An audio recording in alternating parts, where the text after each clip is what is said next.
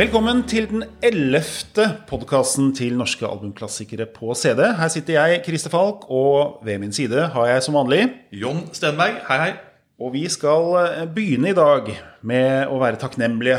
Det skal Fordi vi. vi skal takke, eh, eller kanskje mest jeg, for jeg vet ikke om du hadde sånn voldsomt forhold til det. Nei, jeg har ikke noe forhold til den egentlig før. Liksom. Jeg hadde ikke hørt om det, på vei ærlig. Nei, ser det. Men eh, det var rett og slett at jeg ble veldig rørt av at vi fikk Eolen i land. Det er veldig gøy når musikk eh, med farge eh, får en mulighet. Og erfaringsmessig så er det jo liksom samtidsmusikk, klassisk musikk, og folk som jobber i sånn smale, smale sjangre, eh, som eh, ofte sliter mest med å nå fram, både i platebutikker og platehyller. Jeg husker jo da jeg var, hadde butikk på, Aker Brygge i gamle dager.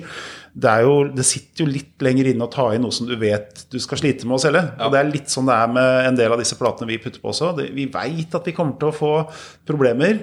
Men når det da går inn, så er det akkurat minst sju ganger så godt som For meg, i hvert fall, som at f.eks. The Kids. Ja. Selv om jeg vet at det er et dårlig eksempel for deg, for du ble sju ganger så glad for The Kids uh, i forhold til alle resten til sammen. Ja, altså jeg må si at jeg synes det er veldig moro å se at, at det er faktisk er liv laga for litt mindre sjangre og litt, litt andre ting.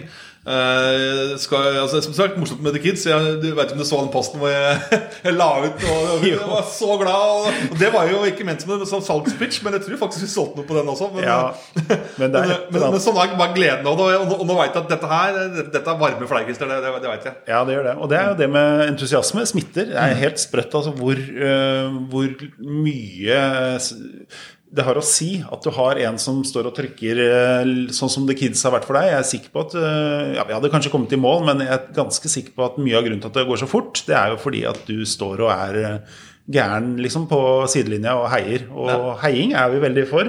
Vi ser at heiing er det eneste som hjelper. Det er noen ekstremt bra heiere der ute som virkelig gjør en innsats hver eneste gang vi får en plate som, som sliter. Og det er faktisk eh, gøyeste i verden, er å se at eh, den innsatsen faktisk funker. Mm. Ja, det er altså bra for bredden, og det er bra for at vi får inn mest mulig folk. Og at vi får litt, litt spennende ting. Og vi kan ikke bare liksom altså, Det ville være kjedelig hvis vi bare skulle gi ut standardvare. Eller, eller liksom legge ut det, det og, og da får vi slitasje på publikum også, så vi må ha bredde. Og, og ja, moro at, eh, at den gikk inn, altså. Så har vi litt jazz. Mm. Og en annen ting er jo at det er jo ikke så mange The Kids, Norske Jenter og Sønner av Norge-plater eh, der ute. Eh, Det er jo mye, Du kan si hva man vil om norske plateselskaper. De har gjort en ganske sånn sjaber jobb på mye, men de har jo også vært flinke på eh, enkelte plater som ligger komplett, og det er jo ganske mange artister som har fått fin oppfølging fra plateselskapene. Men det er liksom det er ikke så mange sånne Jeg husker når vi lagde de listene helt i begynnelsen. Jeg husker jeg fikk en liste fra deg. Jeg fikk av Jon Vidar Bergan, Erik Muntshjelm, eh, Morten Ståle Nilsen i VG.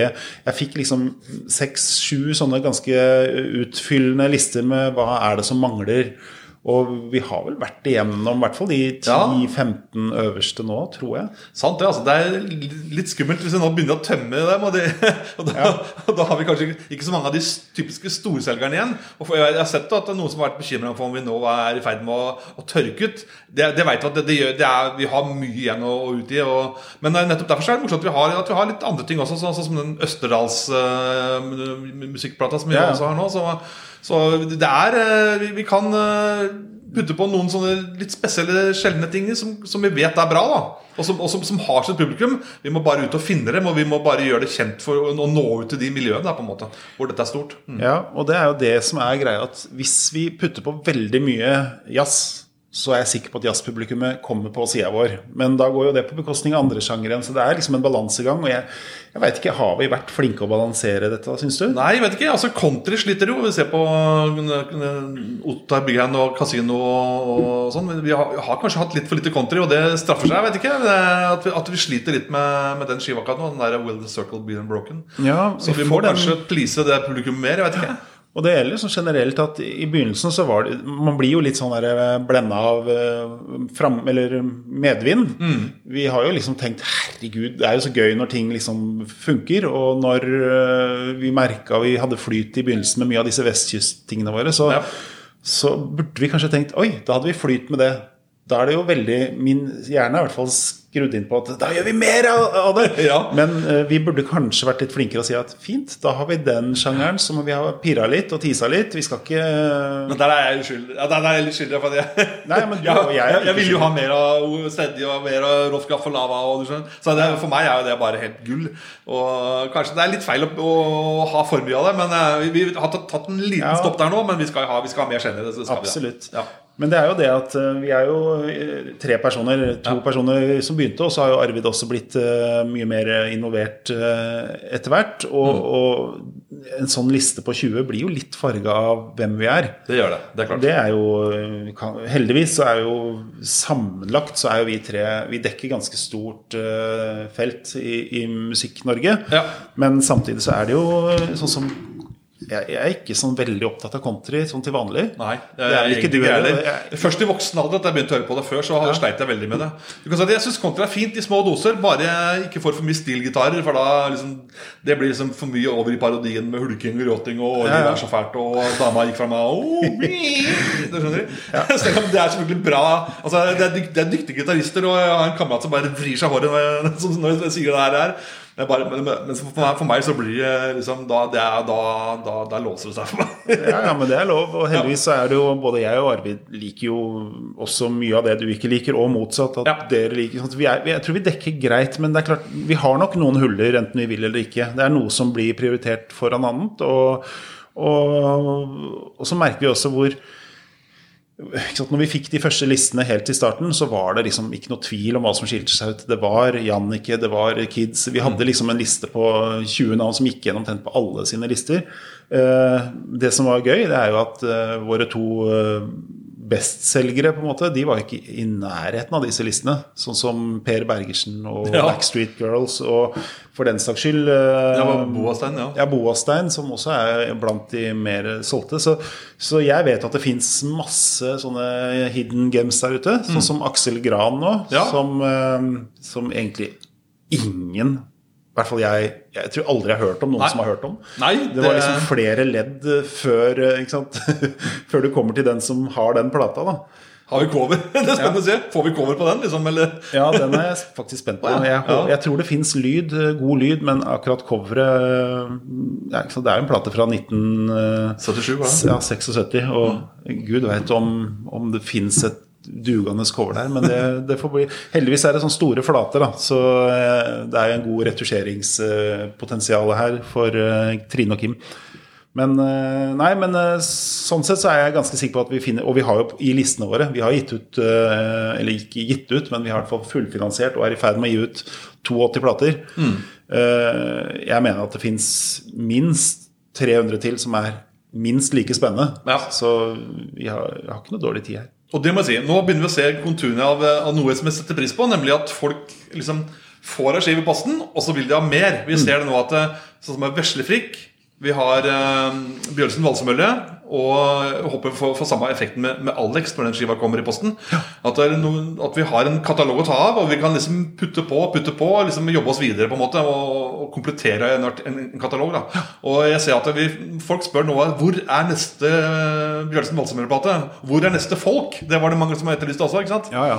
Og øh, ja, så Det er en effekt vi liker. eh, Både for at det er fantastiske artister og grupper, og at det er eh, gode kataloger som vi, som vi kan på en måte ta lenge. da Og da har vi eh, Det er viktig å ha noe sånt så vi på en måte holder det varmt og holder lojal fanbase.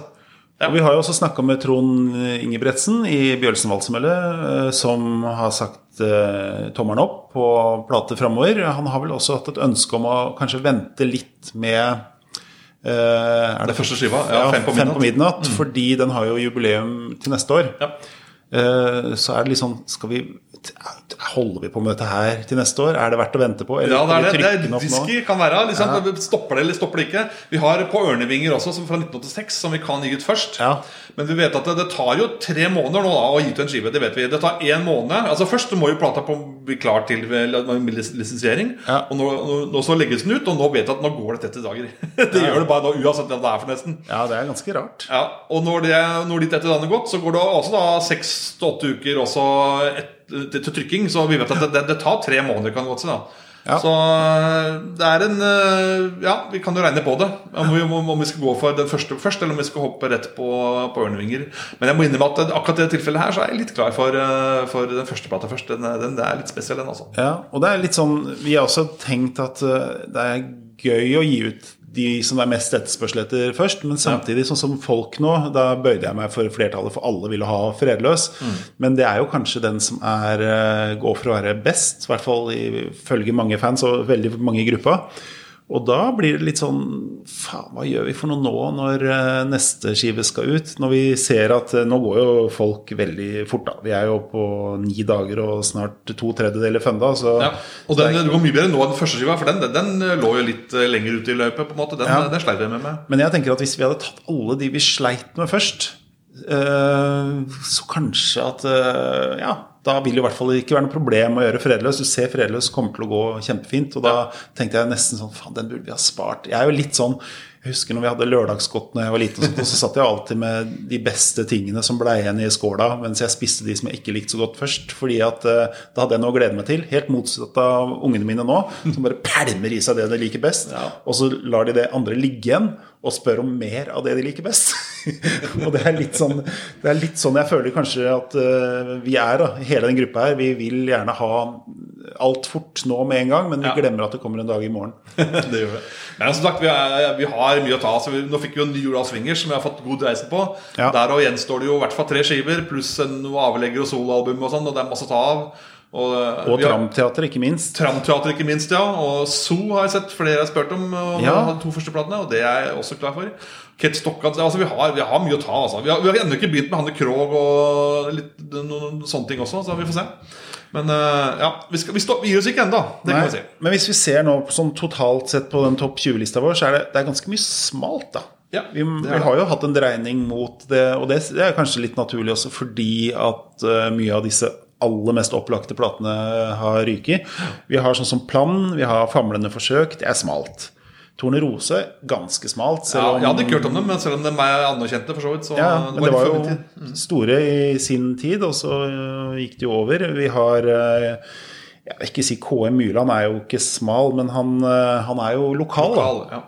Eh, Vi har Østerdalsmusikk, som er en jazzplate, veldig smal. Så har vi jo Aksel Gran, kjempesmalt. Eh, Så har vi din favorittplate gjennom alle tider, Lars. Mm. Lars Eh, Jeg vil jo si det er jo ikke Det, Det var sånn- bredt før, men nå er det kanskje ikke så bredt lenger. For nå er den jo litt grønt, så vi må på en måte blåse liv inn. Ja. Ja, ja.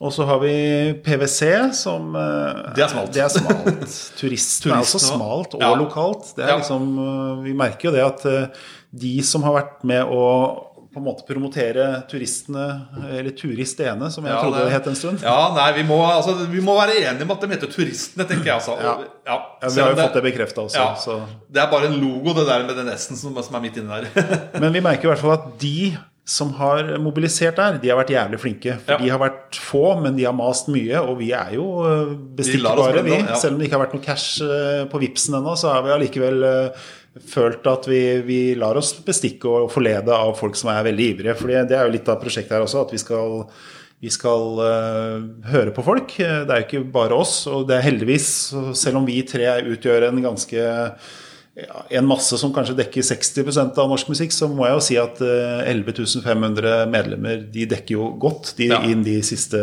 30-40 da. Det skal lønne seg å være medlem på sida og på en måte være interessert, da, tenker jeg. Ja.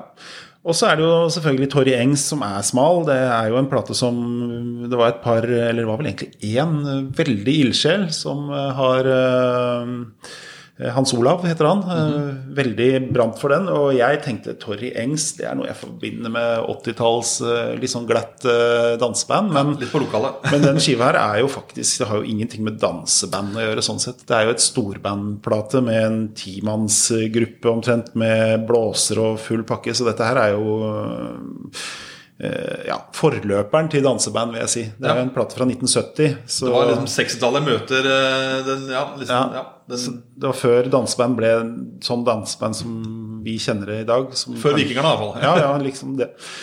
Og så har vi det som kanskje for meg er den største Ja, overraskelsen. eh, overraskelsen at det går så dårlig. Ja, og folk har spurt om det og tenkt at dette her er en sikker vinner. Her er vi på, på trygg grunn. Det er det. Og så legger vi ut Broadway News, og så går det dårlig, altså. Rett og slett. Ja. Vi skjønner jo ingenting. Og det som er rart her, er at øh, jeg syns jo dette her er øh, kanskje den beste plata Ja, deres. Det syns jeg er soleklart. Eh, Den, den begynte jo som et litt sånn nywave-band, og det er kanskje derfor at folk har spurt etter den. Og så kommer vi jo og legger ut en Calypso-plate. Det er litt eh, Kanskje det var det som eh, tok lurven av folk? Jeg veit ikke. Ja, men det er jo liksom både litt ska og, og Ja. pop og calypso, og det er jo en del elementer av nyveiv fortsatt. Dette er jo en veldig sånn den etterpunk-perioden i utlandet som det skjedde veldig mye i Norge, og alle prøvde å finne sin egen stemme. Mm. Eh, Jeg mener jo at det snålt, både med tanke på at det finnes sikkert 50 000 Monroes-fans Ja. eh, i Norge. At man ikke vil ha forløperen til Monroes, For her er jo både Lage Fossheim og Eivind Rølles med. Ja, Det er den eneste skiva hvor begge to er med, faktisk. Ja. Eh, Jeg håper vi får til den. Ja, det må må vi sånn- bare altså, jeg- jeg- Da altså, vet du hva? Vi skal ha den. Ja, vi må bare Vi må bestemme oss for det. Og vi kan Men godt eh, vi, får, bare avvente den litt, for det er, det mye som brenner først. Som vi må ta først da men, Så det er greit. Men, vi, men altså, vi gir, altså, hvis ikke Broadway News og Banco går inn, da, da begynner jeg å lure på hva, hva skjer. Ja, det er jeg litt enig i. Og der er vi jo litt sånn på litt av sakens kjerne her nå. Ja. Nå glemmer vi å kose oss med de platene som på en måte går bra, fordi vi er hele tiden opptatt av å, å redde og brannslokking, og at det er Ja, at vi hele tiden har noe som, som sliter. Og det, det føler jeg nå er kanskje en type slitasjeelement av dette prosjektet vårt. At, at, at ting går ikke helt av seg sjøl lenger. Da. Nei, det er sant, det. Det, er, eh, det virker som det er eh, den harde kjerne som, eh, som eh, er med og, og kjøper de meste, de meste skivene her, og det er veldig, veldig bra. Men eh, hvis du da mister bredden og det, store flertallet av medlemsmassen til å kjøpe, da, da blir det sånn som det blir nå, at vi må hele tida stå og piske og piske på en måte for å komme i mål helt på slutten. Og det er litt dumt, altså. Og det er dumt for artistene, som eh, sikkert ikke er noe særlig glad for å se på det, og det er dumt for oss. Og da må vi på en måte da- Da får vi ikke holdt fokus på de andre stivene vi skal legge inn. og sånn, Så vi hele tida må liksom drive med brannslokking. Og det, Ja. det er synd, altså. Det, det, litt av gleden er borte hvis vi, hvis vi bare må, må liksom mase. Ja, men jeg er enig, og, og det ser jo litt dumt ut. Ja, det gjør ble Jeg jo kalt, kalt for sjefsmaser av eh, en som het Matti eh, nå. og Det er jo jeg er jo selvfølgelig masete fordi at jeg syns det er gøy at ting går bra. Og det ligger jo en eller annen lang tanke bak der at dette her skal generere litt eh, lønn og sånt også. Men, men først og fremst er jeg mest hyppig på at disse platene skal bare gå inn. For, vi har jo valgt de ut ikke for at de skal stå der og henges ut og være gapestokk. Vi er jo ute etter å, å få ting gjennomført. Så jeg kjenner jo det at uh, Ja, så Vi har vokst opp med, i en kultur da, hvor det er platesjapper over hele byen. og liksom Alle er interessert i VG-lista eller følger med på det. og liksom, Musikk var relevant. da, og Jeg regner med at det var liksom, når vi starta opp med det prosjektet her, at, det- at vi, at vi har liksom bare vekke liv i, det, i grunnstammen av norske kjøpe, plate, altså platekjøpende publikum. Ja. Og Derfor så trodde jeg at ting ville gå mer seg sjøl. Da sitter det folk spredd over hele Norge med variert smak og med, som hele tida har lyst til å, å, å kjøpe noen skiver. da, Litt sånn, litt sånn av og til. Og da trodde jeg at, at ting skulle på en måte bare bli, bli kjent, så vil det rulle og gå. tenkte jeg. Det var litt naivt, tydeligvis. Men Ja, eh, altså, vi, vi, altså vi, vi, må jo jobbe for å komme dit. Altså. Vi, kan ikke gi oss på det. Men hvis man tenker da at eh, rundt 10% av Norges befolkning kjøper fortsatt fysiske produkter, da er vi oppe i Er det 7 millioner vi er i Norge nå? Ja, fem. Ja, seks. Det tror jeg er godt. Vi var fire når jeg lærte på skolen. Så ble det fem. Det kan du google. men er det, det, helt sikker på at vi er over seks millioner. nei, nei, nei, nei, nei, ikke snakk om. Vi er på så vidt over fem. Befolkning Norge Bra med dette her. Jeg er helt sikker. Befolkning Norge gjerne google, men det er- 5,3? Ja. Er jeg så ute? Du er bedre enn meg på, på det òg, du. Ok, 5,3. Men la oss si 10 Da har vi 500 000 som kjøper fysisk eh, format. Og jeg vil si halvparten kjøper LP-er, halvparten CD-er. Det er det i hvert fall tallene viser. At det blir kjøpt for litt mer penger i, i vinyl, men uh, litt flere mennesker kjøper CD-er.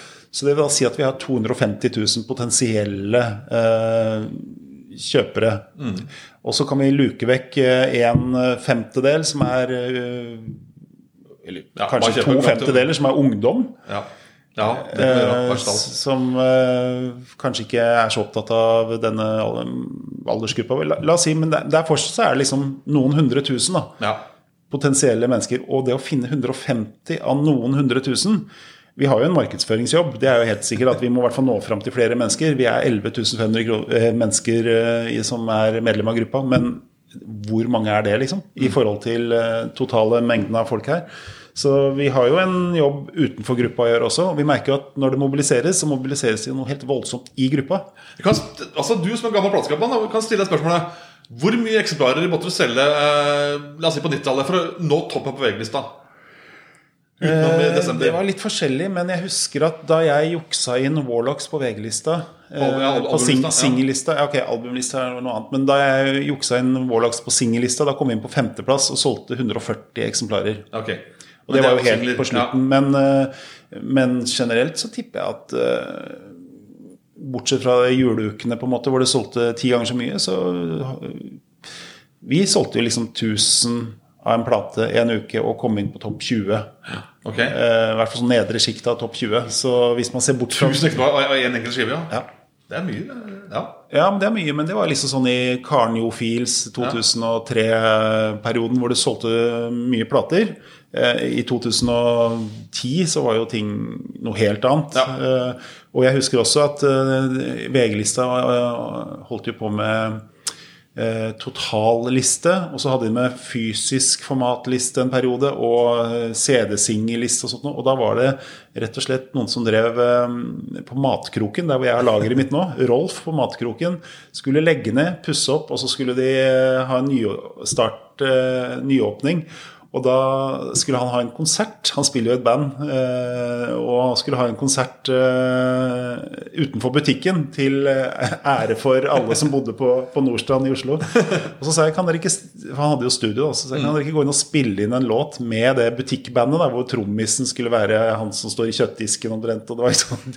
og da endte med at vi, vi solgte den singelen utenfor butikken på den dagen de la ned, og den kom inn på lista, på VG-lista på fysisk format. Det var de to siste ukene eh, VG-lista Eksisterte, eksisterte i fysisk format.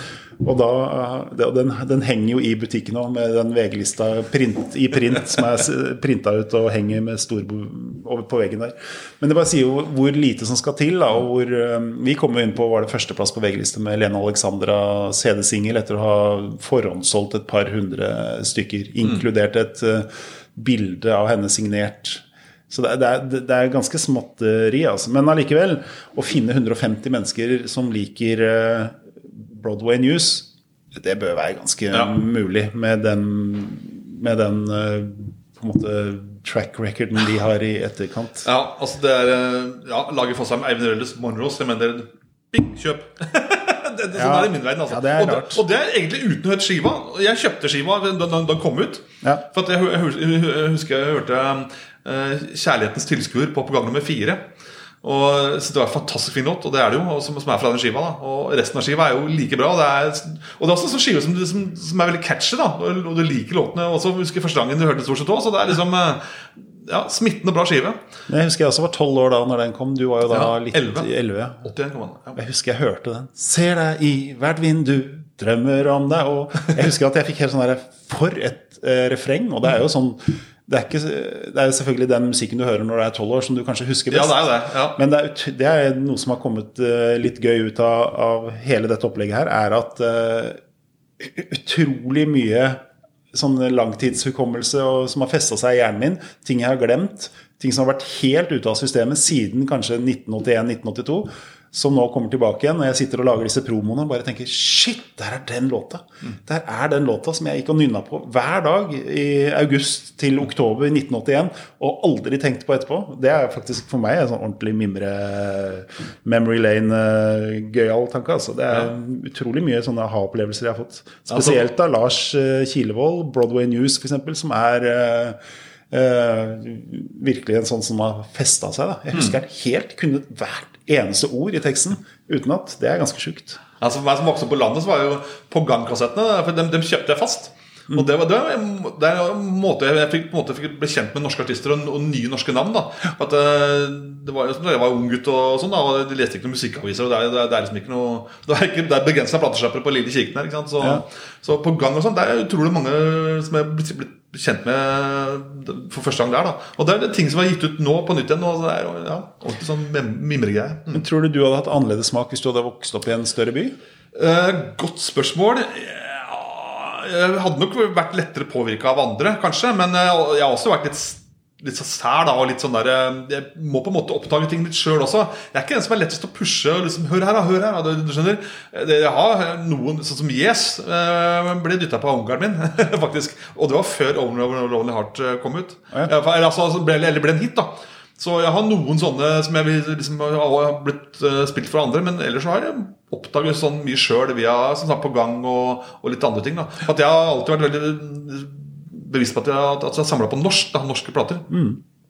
Så det, jeg vet at På Kirkenes i Sole Der er det liksom Det er, det er heavyrockens uh, gral. holdt jeg på å si Der er det, du skjønner Iron Maiden og alt det greiene der. Og liksom, du skjønner Hardrock da generelt. Men det var ikke helt din greie? Nei, altså Jeg har en bror som, eh, som liker hardrock. Og derfor så vokste jeg opp med også med ACDC og sånn. Og jeg har vært på ACDC-konserter og jeg har masse hardrock. Men, eh, men det er ikke det som står hjertet nærmest. Det er det ikke. altså det er det ikke. Men eh, du, du, du, du kan ikke unngå hardrock og, og bli litt glad i det også, for så vidt. Da Nei, opp på selv, liten plass. selv fra Drøbak så ble vi eksponert for hardrock. Jeg ble aldri helt dratt i det, men nesten alle vennene mine var ordentlig Men det er noe sånn som TNT og Stage da, sånn som er med, med pudderrock, da, det, det, det syns jeg er greia. Ja, rett og slett. Ja, nei, Selv om det er eh, kanskje ikke er like høyverdig eh, ansett av mange, men, eh, men det syns jeg er grisebra. Og det, vi ser jo det nå også med Tindrum og, og sånn, da, ikke er, hvor det er etterspørsel. da Og ikke minst eh, ja, Det grønne en tre av dag og, og, og The, The Kids. da Ja, og det er sånn synd dette med hardrock, i hvert fall for oss. Det er Ja. at det har blitt veldig eh, godt uh, Det er ute, det meste. Alt er ute, alt fins. Det er vel ikke en plate omtrent som ikke har kommet ut i sin helhet. Det har ikke vært noe sånn særlig best-offer. Eh, Og der, ja, det, for der har man ikke ødelagt, ødelagt markedet med dårlige Besto-samlinger. på en måte der, der er skivene liksom utgitt ordentlig. Men det er vel også det at, Og det er jo for meg litt sånn paradoks, for jeg mener at det er ikke så mye hardrock som er så høyverdig. Men samtidig så har det jo fans som er ekstremt dedikerte. Ja, veldig lojale, altså. Og bare det med, med de covera og det, er liksom, det, det for altså Det er liksom innbyr til samling. Ja. Det, det finnes ikke noe hvor det blir lagt så mye flid i, i cover som i hardrockbransjen. Det er Nei, jeg har jo alle tolvtommerne til Iron Maiden for eksempel, signert. Men jeg, jeg syns ikke det er noe bra, men jeg har de. Ja, jeg har dem. Fordi at, og når jeg, Hvis jeg da skulle lagt de ved siden av hverandre, så ville jeg tenkt her er det folk som har tenkt den samleeffekten og har hatt en liksom langsiktig plan på at uh, det er ikke nok å bare gi ut en kul skive. Her skal vi faktisk sørge for at folk blir hekta. Og det er litt sånn som hvis du ser Kiss, da, som kanskje har vært eh, verdensmestere i å melke fans eh, Jeg syns jo de går altfor langt, men, men de har jo vært liksom De har nok hatt en plan. At eh, Det er ikke sånn at tilfeldigvis uh, henter opp med noen masker og så Oi, jøss, selge litt merch underveis? Ja, kanskje vi skal gjøre det. Der er det noe ganske kynisk stor markedsføringsplan som har ligget bak fra lenge før den første plata ble spilt inn. Det er jeg ganske sikker på. Men eh, sånn er det. Eh, det som er fint med heavy fans, at de er også veldig åpne for eh, annen heavy. Ja, Hvis de det. får liksom en ny hardrock-skive, så, så tenker de vel ofte at det er jo hardrock. Ja, riktig. Da må, da, da, da må det være bra, liksom. Ja. Så det er også litt sånn kult, uh, gøyalt eh, sted å jobbe. Jeg har også en kompis av meg fra Drøbak som spiller i, har spilt i hardrock-band i hele sitt liv, som selger jo 20 eller 100 ganger mer i, i Japan enn de gjør i Norge. Så jeg har alltid tenkt på de som et sånn litt sånn lite band eh, i Norge. Eh, han spiller i et band som heter Hush. Oh, ja. Men når jeg skjønner at eh, det er, Norge er ikke, det er ikke der de Det er ikke, det er ikke noe viktig for Nei. dem, men nesten. Det er litt gøy å vite at eh, Og det merker jeg også sånn prog-publikummet. Mm. Jeg merker jo hvor eh, mange som har kontakta meg nå fordi at oh, Moose loose, eh, octo octopus. We don't know what it is, but it sounds great. norsk på norsk, liksom. Så det, det, er, det sprer seg fort, og det, der er det et nettverk som ligger klart, på en måte. Så det er klart Jeg har jo også en andre venner som spiller i prog-band. Sånne litt mer sånn hardrock-prog-band. Og det er ganske lett lettvint uh, sjanger å på en måte hoppe inn i. Du trenger liksom ikke å jobbe det opp fra scratch. Du kan liksom enten ende opp på en eller annen label som også gir ut uh, prog-ting, og så er du på en måte litt inn i varmen fra dag én. Bare det er selvfølgelig viktig med kvaliteten. Ja, det er bra. Ja.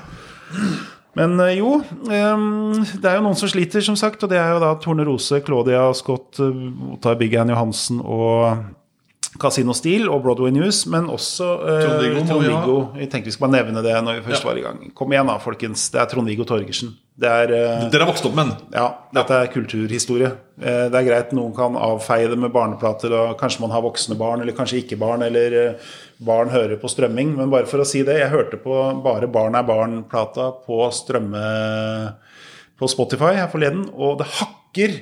Gjør det, ja? ja jeg, jeg tror det er Hjalmar, eller var det Uff da. Ja. Det, altså, det, er rett og slett et sånn sånt skudd. Det mangler to sekunder hvor det er mm. kjempehakk. Eller en, jeg, jeg er vel ikke nøyd meg med digital versjon av det.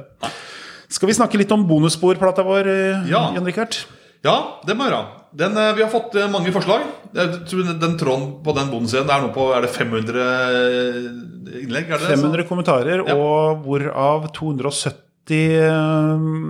Jeg har skrevet 270 låtforslag. låtforslag. og en del litt sånne røde tråder, løse saker som jeg ikke helt har greid å finne ut hva er. Det skal jeg ta en sjekk på senere. Og noen av de har skrevet EP-er, de holder vi foreløpig litt utafor, fordi vi vet ikke helt hva vi gjør med den EP-ideen vår, men uh, det er jo mye jobb og ikke noe penger, men kanskje man gjør det fordi at uh, rett og slett uh, det er litt gøy å, å, gjøre ting bare for å gjøre ting òg. Ja. og der er jo sånn som Oslo Børs og Drama Creation, alle disse her eh, på hver sin side av eh, streken eh, aktuelle. Men det vi kommer til å gjøre, da jo, Nå har vi jo snakka litt om gangen og hvordan vi skal gjøre dette. Vi, vi fant jo ut under forrige podkast at vi må gjøre sånn som du sa. Ja. 50, altså Vi skal ha ca. 25 låter. Mm. Det er jo 79 minutter, som er, eller 79 minutter og 57 sekunder som er maks. Det vet vi. Ja. Og da har vi sånn pluss-minus 25 låter. Og da har vi sagt at vi skal ha halvparten sånn cirka fra lesernes eh, poll. Og så, kan, og så, har vi halvparten som eh, vi tre da skal sette sammen. Og Det kan være både fra egne forslag og det kan være fra leserne. og det, Uten at den ligger på topp ti. Eh, ja, det, kan, det, er fritt vilt da, på en måte hvor de kommer fra. Men eh, vi vil i hvert fall ha muligheten til å styre det for at det skal være en liten rød tråd oppi det hele. For det, det, blir jo litt hummer og kanari i det her. Det kan vi si. Ja, det, det, vet vi. Og, og, så er det jo Ja, det blir ikke noe samleplate som Nei. noen kommer til å ha 100 glede av. Men eh, det kommer til å bli en samleplate som eh, Jo, jeg tror faktisk det. Det er faktisk ganske mange som hører på. Absolutt. Ja, det er jo det òg, altså. Det er det. det er det. Men vi vil jo gjerne ha friksjon. Vi vil jo gjerne at eh, Jeg syns det er helt greit at fem av låtene At noen syns at fem av låtene er helt ubrukelige, og, og liker 20 av de. Jeg syns det er helt greit med halvparten òg. Vi snakker liksom en plate her som vil koste som like mye som en vanlig CD.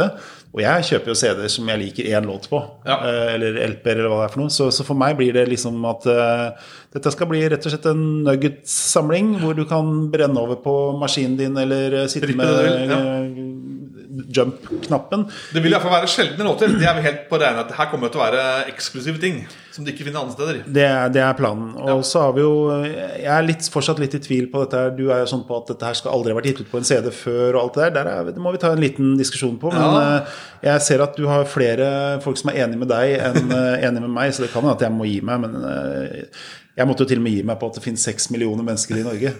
Selv om det finnes 5,3. Ja. Altså, er, jeg tenker at eh, Hvis låta er veldig tilgjengelig eller lett tilgjengelig på rock and rolls eller på ja, loppemarked, så tenker jeg at da bør vi kanskje vurdere noe annet. Men uh, vi får se. Ja. Vi, vi, er, vi, vi, må jo først eh, legge ut lista til avstemning. Altså får vi se hva folk vil ha. Og så får vi eh, se hva slags trend eller hva vi kan lese ut av det. på en måte ja. ja, og Der vil vi nok også se at det kommer til å komme mye forslag på ting vi veit ikke Som vi veit vi ikke får. F.eks. Uh, kjøtt. Nei, nei, nei. Jeg veit at Michael ikke vil at vi skal bruke den. Så den kan vi selvfølgelig ha øverst på lista, og det ser veldig bra ut for låta, men eh, det ikke så, så, Sånn sett kommer vi til å gjøre en liten sånn grovluking. Vi fjerner ja. de låtene som vi veit 100 sikkert uh, at ikke kommer til å gå inn. Men så er det jo opp til dere om dere har lyst til å legge de til uh, For det er jo sånn at vi kommer til å legge ut på en sånn der meningsmåling, poll-sak. Jeg bare håper ikke det er noen begrensninger i antall der. Nei, jeg vet ikke. Du, du kan legge til alternativ, men det er Ja, mulig for da kan jo folk sjøl legge til eh, musikk. Men vi kommer til å legge ut så å si alt vi har fått. Eh, Noe av det er eh, Så for å se, Skal vi legge en begrensning på stemmer? At du kan legge inn maks fem stemmer? Eller har vi- tenkt på det? Nei, jeg syns vi skal la folk få stemme på alt de har lyst eh, de vil. Helt ubegrensa? Ja. For jeg syns det er litt fint, for da får vi også en sånn liten pekepinn på hva, Ja. hva som folk vil ha, og hva som det er interesse for. Så jeg tror det er bedre enn enn at vi har begrensninger. For plutselig så kommer det inn en ny plate som noen andre legger inn. Så Ja. å ja, fader, den har jeg også lyst på, og så har jeg brukt opp uh, Ja. Og så blir det også sånn at uh, hvis du bare begrenser det til fem, så tror jeg det kommer til å bli veldig sånn Da skal vi ha de fem episke, disse Mm. viktigste. Og jeg mener at de viktigste er ikke nødvendigvis de viktigste her. Eller det som blir sett på som liksom historisk, sånn Lars Hertevik eh, Mm. med Depress, sånne type ting. tenker jeg at eh, Nei, vi kan kjøre alt. ja, jeg syns vi må bare rett og slett eh, Hvis ikke så får vi sånn eliteliste. Og jeg har lyst til at denne lista her skal være helt ko-ko. Jeg vil bare ha en sånn idiotsamling. Jeg synes det er ikke med bare sånne rare ting Ja. med, hvor folk skal få lov å tenke at eh, Oi, shit, her er den! Den har ikke jeg hørt før. Og, og så ikke minst lære seg å høre nytt. Men det må jo bli kanskje noe som folk eh, har et forhold til. Jeg tenker på sånn, Det var en som hadde forslag på Sami Adnan. Jeg vet at du er imot Ja. det. Eh, Og jeg er også for så vidt imot det, eh, sånn sett, men, men eh, jeg bøyer meg for et flertall. Men, men sånn sett er jeg, tenker jeg at den fins jo kun på singel, eller på en Grand Prix-samling, eller på hundrevis av andre samlinger, på sånne norske klassikere og alt mulig sånt. Men det er for meg en sånn type låt som alle kan, alle har et forhold til. Men samtidig så syns jeg også det har vært gøy med å ha hatt eh, jeg arme synder med døve munker, som veldig få mennesker der ute sannsynligvis har hørt. eh, I hvert fall snittet av ja, Kanskje, kanskje det var et dårlig eksempel, for det er jo akkurat i kjernegruppa på Men liksom, hvis du skjønner poenget, da. 'Pendler en putte' med Gro Anita Skjønn. Jeg syns det er gøy å plassere en sånn låt ved siden av en annen låt som ikke har noe med Gro Anita Skjønn å gjøre. Så Der får vi bare se. Men eh, det skal bli en bra, interessant, morsom samling. Og så skal det forhåpentligvis bli en serie, dette her, med plater etter hvert som, eh, som gjør at uh, totalen teller. Det er liksom ikke, dette her er liksom førsteelveren i, i eh, landslaget, men husk at det sitter mye bra på benken òg. Men det er i hvert fall tanken. At vi, vi kan jo si at til og med søndag Nå er det mm, 15. Torsdag, april, skal vi se, altså 16., 17., 18. La oss si søndag den 19., da. Klokka øh, Søndag, nei. Søndag den 18. Klokka ved midnatt. Mm. Da lukker vi den linken. Det som kommer inn etter det, det er øh, Da får folk legge det, på, legge det til, til selv. Og så kommer vi til å lage en sånn meningsmåling, kanskje fra neste uke en gang. Jeg må bare se åssen uka blir, for det, det er mye, mange ting som skjer eh, nå. Som skjer, Ja, men den kommer i hvert fall når dere minst aner det. Og da ligger den her, og da kan vi jo la den ligge en ut og stund. dele. Ja. Og da ser vi jo fort hvert fall hva som skiller seg ut. Og så må vi da si at de 15 øverste, eller 12-13 øverste, er jo de vi tar utgangspunkt i, som vi vil ha med. Helt følger det slavisk. Men vi kommer til å sikkert å få mange nei. Så det er ikke sånn at de 12-13 øverste der automatisk er med. Vi må jo be om tillatelse. Og så er det kanskje noen som sier du skal få lov, men hvis du betaler 10 000 kroner, og da er det ikke noe interessant. Så vi, vi må liksom, det må være en viss Det- grad av Vi må, ja, det må være forbehold på det. Ja. ja. Så vi, vi må bare ta det der, den veien. Men det blir en morsom samling. Mm, det gjør det. Det gjør det. Og den vil få et eh, katalognummer som ikke hører til i NA-CD-serien. Den vil få et eller annet rart. Kun til salgs hos oss, da. Ja, det ja, og det er jo en annen ting at den vil ikke kunne sitte og vente på å kunne kjøpe den andre steder. Det er jo også litt sånn interessant for å Mm. se eh, Da ser vi hvor, ja, om, Ja. Om, om det genererer noe mer, da. måte. Ja, Ja. Mm. og det er jo nesten sånn at det er fristende å si at hvis det genererer veldig mye mer, så er det jo sånn Vi kunne jo vurdert etter hvert å bli litt mer gnukkale, i og med at ting eh, sliter mer om dagen. Dette her er jo et eh, veldig sånn organisk materiale vi jobber med. Vi må jo hele tiden se an. Nå har vi åpna opp for veldig mange butikker som skal kjøpe. Vi fikk en i Molde som skal kjøpe noen, og en i eh, ja, i hvert fall flere Bodø var en platesjappe som skal kjøpe inn og begynne å um, distribuere. Så det er klart, for oss er det gøy å vite at dette her er noe som alle har glede av. Men samtidig så er det jævlig kjedelig å se at uh, det begynner å bli sånn tre dager mellom platene og sånt nå. For nå har vi jo det kommer ikke til å skje noe med Elektra, Elektra med plan. Fram til at det kommer ikke til å gå inn i dag neste dagene. Og nå er det jo en helg, kanskje den andre helgen, Ja. hvor vi ikke får noe gjennom Det, det blir stillstand, og det blir litt kjedelig på lista når, når hvis hvis de, de ligger sånn og vaker. Ja. Mens vi bader i bråslokking. Ja, så derfor så er det jo Sånn sett er jeg glad vi har putta 30 dager, Mm. og at ikke det står 45. For nå får vi i hvert fall utskiftninger Ja. hele tiden. Ja, for da hadde bare, bare blitt hengende enda lenger, og det hadde blitt enda kjedeligere å se på. Ja, Så nå har vi liksom Claudia, Big Hand og Casino nå. Om to dager så går den jo enten ut eller inn. Ja. Og istedenfor at den hadde ligget der i 15 dager 15 dager til. For jeg tror jo akkurat det er det som ville skjedd. At da ville vi fått et nytt skippertak etter 43 dager. Ja. Så jeg er glad for at vi har 30. Kanskje vi skal ha 20 dager. Det var en som skrev det, var det ikke det? At, som hadde, ja, det kortere ned. Men det er klart at jeg ser at det er greit å ha 30 Så folk er, jeg rekker å få en lønning eh, mellom Ja. hver gang. Det, det kan være greit. Ja, det er vel egentlig det vi hadde som utgangspunkt. At én lønn et eller annet sted inni der, det må få folk bruke det på det ene eller andre. Men nå blir det sommer og sol, og det kan godt hende at uh... Ja, Du får feriepenger snart, folkens! ja, feriepenger. Ja, men jeg tenker mer på at hva er det folk gjør når det er sommer og sol? De Ja. trekker jo ut. De sitter ikke foran maskinen som Nei, sant, det også. nerds Ja, som oss. Så det kan hende at det blir mindre også framover. Vi får bare se. Um, vi um, vi snakka litt rett før vi kom inn her og trykka på play. Så Ja, vi snakka om coveret. Ja. Det, det, det, har vært et spørsmål om, eh, om covera våre. Du vet at Noen reager- reagerte på at det er en Spellemannslogo på Stavanger-skiva. Ja, jeg ville si at vi kanskje gjorde en feil der. Ja, Du kommenterte det med en gang du fikk den fra trykken. Ja. Det, det var et lånt eksemplar, og vi ville ikke tukle for mye med det coveret. Klart vi kunne ha fjerna det digitalt. Men uh, skiva fortjente en Spellemannspris. Den vant en Spellemannspris. Og jeg tenker at det, det er jo satt på eh, på en måte fra fabrikken, på en måte selv om det kanskje ikke egentlig tilhører akkurat den skiva. Men så Det, det er litt, litt sånn der vurderingssak.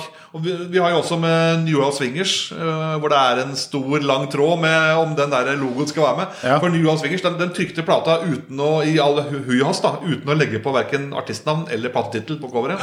Det er bare et bilde. Et bilde som faktisk stammer fra en eh, Levis-reklame, faktisk. Oh, ja. Ja, det er det.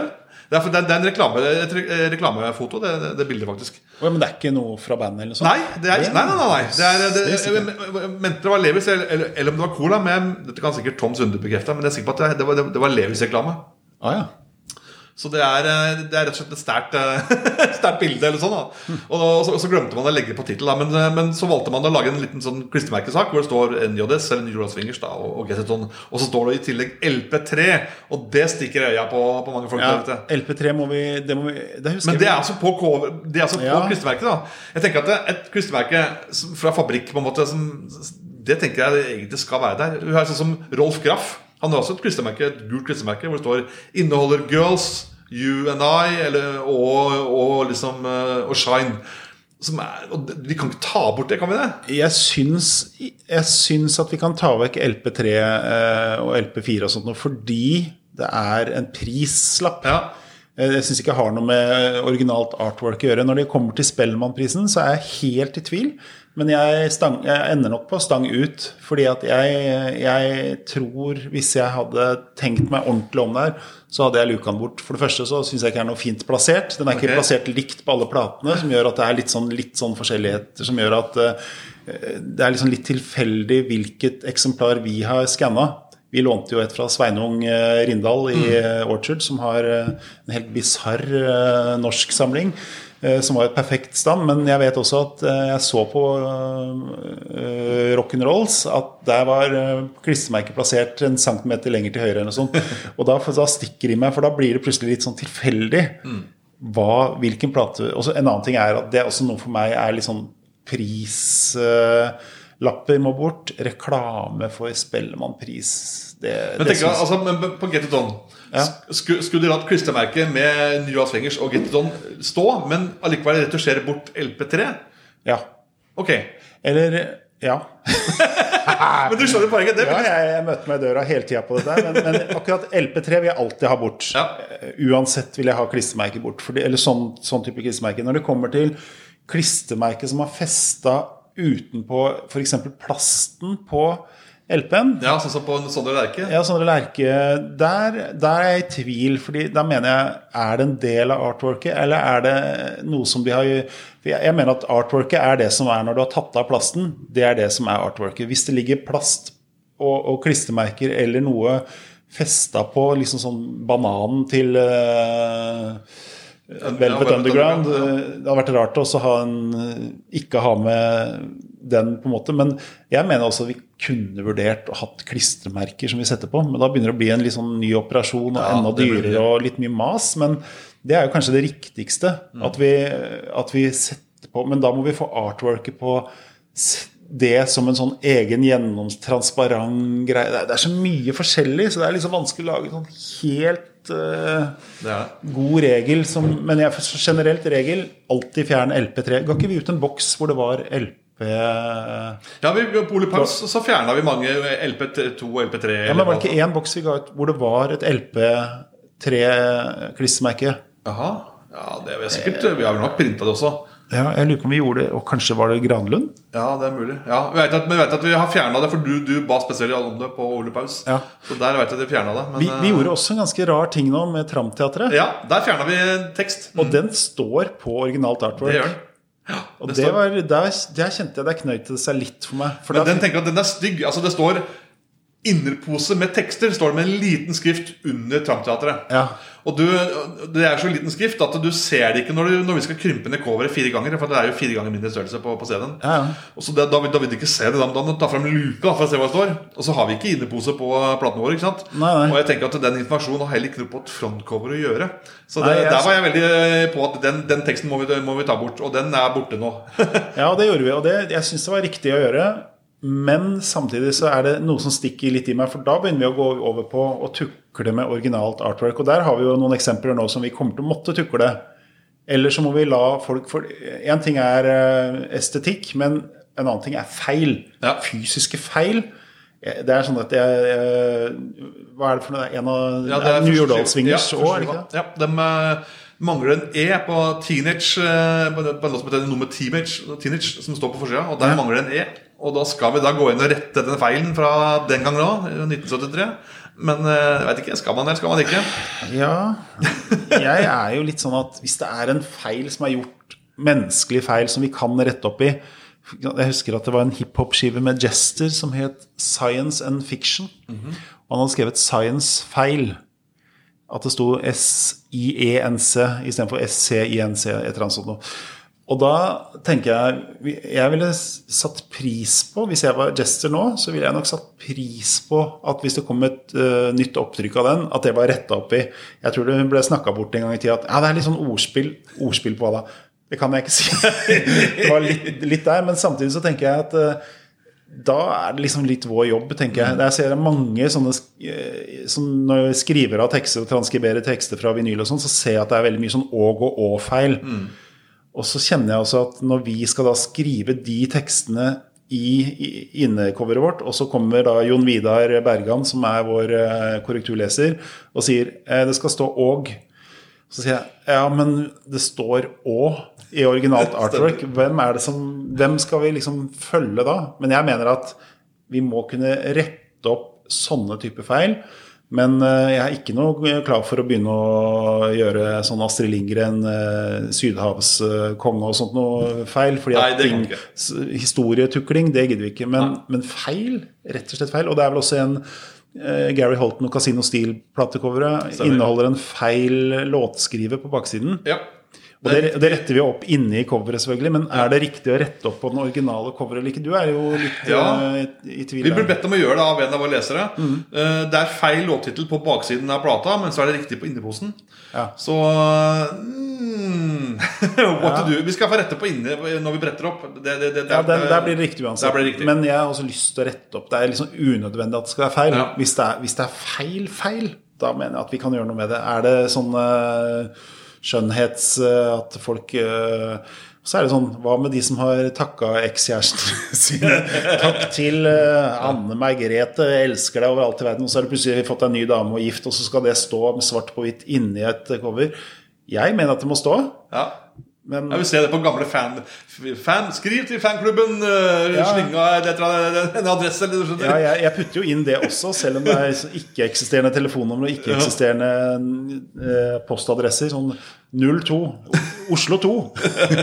og da blir jeg litt sånn eh, Dette er ikke riktig, men samtidig så For det første, det skader jo ikke. Det står Nei, bare der. Det, Og det er jo ingen som sitter og blir sure for at de prøver å ringe et 02-nummer til Drøbak eh, og ikke får svar. Og jeg, ser, jeg har sett andre rereleser fra andre selskaper. Man har bare slått en sånn hvit strek over sånne ting som ikke gjelder lenger. Adresse Ja. og sånn. Det ser ikke bra ut, altså. Nei. Eller som, sånn, når man stryker over side A og side B på, på baksida av LP-en bare for at det ikke er side A og side Ja. B på CD. Nei, det blir rart. Det blir stygt, altså. Ja. Nei, vi må nok bare Det er noen, noen kameler vi må svelge, og det er rett og slett Det er ikke alt som blir perfekt. Og det er jo litt sånn Jeg ser det er veldig mange som har ekstremt sterke meninger om ganske små ting. Og der blir jeg litt sånn Ok, jeg liker engasjementet deres, men jeg driter i det. Av og til må jeg si at jeg har det litt sånn. Men det er veldig mye, vi får jo mye bra tips og, og vink. Men akkurat dette med eh, skanning altså jeg, Selv om vi nå vet om det, sånn at, eh, så er jeg litt sånn skal man, skal man tukle med det, liksom? Og en annen ting er, Jeg har jo driti meg ut skikkelig. Jeg ga ut en sånn Prince-boks her for litt siden. Eller begynner å bli mange år siden. En sånn hyllest til Prince med 81 norske artister. Hvor jeg ba alle om å skrive en liten bursdagshilsen til Prince. Det var på 50-årsdagen til Prince. Og da var det en som hadde skrevet eh, noe som var veldig gøy. Men så tenkte jeg at jeg redigerer den litt, grann, for det var eh, Eller jeg vet ikke, jeg, jeg skjønte ikke humor, men jeg redigerte den. Og så skjønte jeg humoren etter at jeg hadde redigert den. Og jeg var litt flau, og han ble litt sånn, litt sånn Men faen, dette var jo humor, liksom. Og så tenkte jeg å fuck, det var ganske sånn opplagt Prince-referanse som jeg ikke tok. Og det er jo ganske Oi. spesielt. Ja. Men eh, jeg trodde ikke liksom at, um, at den vedkommende skulle da ha Prince-humor. Så jeg bare tenkte nei, dette her er noe feil. Og han skrev et eller annet sånn i hvert fall med noe, ja. men, men da ble det litt sånn jeg, jeg tror man bare må holde oss At ikke vi skal tukle for mye med innhold, men at det er lov å rette opp i stavefeil. Og når det kommer til eh, klistremerkeproblematikk, så må vi bare ta det fra gang til gang. Ja. Jeg mener at vi har gjort feil på uh, Stavanger-ensemblet. Jeg mener at det var riktig å ikke gjøre det på Sondre Lerche. Hvor vi ikke skal ha navn og sånt. For han, og da spurte vi også Ja, for det, det, pratet, vi, det diskuterte vi. ja, det gjorde vi med Sondre. Men jeg syns det var et riktig valg. Men at jeg, jeg angrer på at vi har den der Stavanger Ensemble. Men vi har jo blitt tilbudt da, et nytt LP-eksemplar av eh, Tom Sundby uten klissemerke overhodet på Nyrdal Swingers. Ja. on. Riktig, skal vi bytte, skal vi ikke bytte? Jeg liker jo at vi skal ha førsteopplaget. Det er det som jeg mener er en slags også sånn åh, jeg har så mange regler i. Åh, ja, for jeg, Førsteopplaget var vel med klistremerket, men men så tok vi skiva av etter hvert, og da rakk man ikke å klistre etter hvert. Jeg, jeg, synes, jeg så et innlegg som, hvor det var noen, som skrev det. Men det? vi kan eh, ta et oppgjør på, på kammerset. Det er plata- vi ikke gått til ennå. Oi, oi, oi, nei, nå har vi mye Og å tenke har vi ikke nevnt eh, Sigvart eh, det, det er altså Jarle Simmermann, mener jeg. Men eh, vi kan jo Ja, Simmermann, ja, den har vi. Og der har vi jo tatt en runde. Der har vi tatt en runde, men det er også en lang, lang historie. Ja, der var det også mye følelser i sving. Ja. Altså. Men jeg mener jo at det mest historisk korrekte her og der, der, der er det mye rare, morsomme argumenter som jeg ikke syns er noe viktig i det hele tatt noen ganger. Og noen er veldig gode argumenter. Uh, og det er jo noen som sa at uh, LP og MC4 Det het jo Simmermann Zimmermann eh, ga ut LP4 og MC4. Da For meg sånn konseptuelt helt naturlig å kalle det for CD4. Og så var det noen som da kom med argumentet ja, men det er jo ikke en egen ordentlig prisklasse som heter CD4 lenger. Og dette her er jo en annen tid. Det tenker jeg I know. Det, det vet jeg. Men hele konseptet her er at mm, Da skal det følge formatet. ja, Men så begynner vi å tenke sånn der, Å ja, men hva kaller man plata da på strømmetjenestene? Og det er faktisk et poeng som er vanskelig, for nå begynner vi å snakke øh, følgefeil som Ja. Virker jævlig logisk for meg på CD4, og plutselig ble det Hva skal vi kalle MP4? MP4. Men da blir det liksom det er tegn på Det betyr bare her er det dårlig lyd. Og hva med de lossless-versjonene? Skal det hete VAV4? Altså, Minidisk 4. Ja, minidisk 4. Og så begynner, vi, å- begynner vi å lulle oss litt inn i et hjørne, da. Ja. ja, ok. Er Men, men vi kjører CD4 fordi eh, vi har snakka med Jarle Simmann, og mm, han syns at det var eh, mest logisk. Og da er det jo egentlig ikke noe tvil. Vi hadde jo selvfølgelig tenkt å kjøre det med han uansett. Det var noe som var sånn Ærlig talt, hvordan dere, kan dere ta dere kunstnerisk frihet til å bytte en tittel på en plate uten å spørre? Så, vi har jo selvfølgelig tenkt å spørre, men eh, vi hadde jo snakka med Jarle før, og Jarle har vært åpen for eh, alt. Så han har liksom sagt kan vi ikke bare se hva folk vil?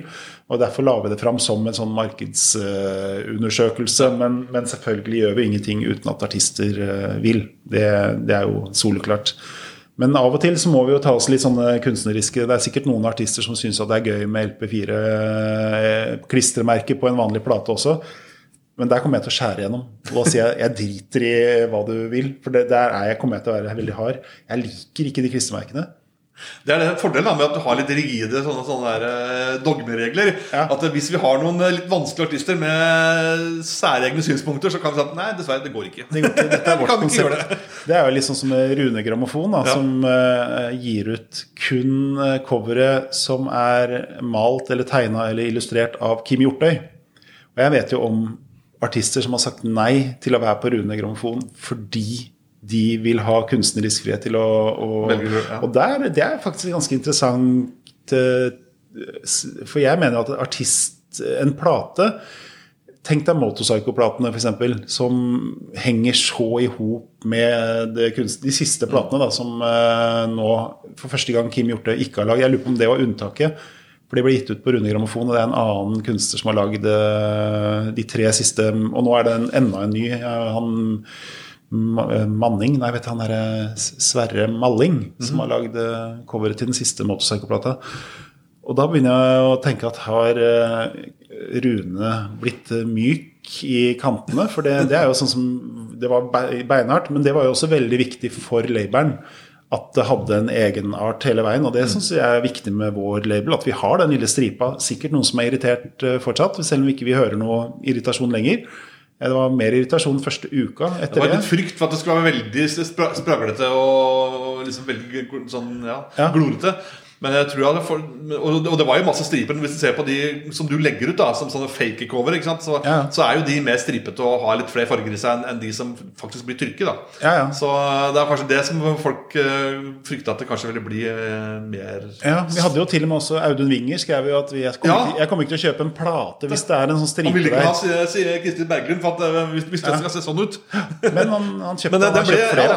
og jeg føler, jeg føler at det, det er ganske diskré. Jeg, syns det er fint. jeg Ja. Og så- Og så veit man at dette er en skive som, som er fra norske albumklassikere. Det, det, bare, det teller jo Det trekker opp, gjør det ikke? Jo, det kan trekke opp og det kan trekke ned, tror jeg. Jeg tror ja. nok eh, Hvis du kjøper én plate Hvis du sitter i Japan og skal ha Octopus progeskive, prog-skive, og så så har du den stripa der, og så blir det litt sånn Why is this stripe Nei, nå snakker jeg tysk.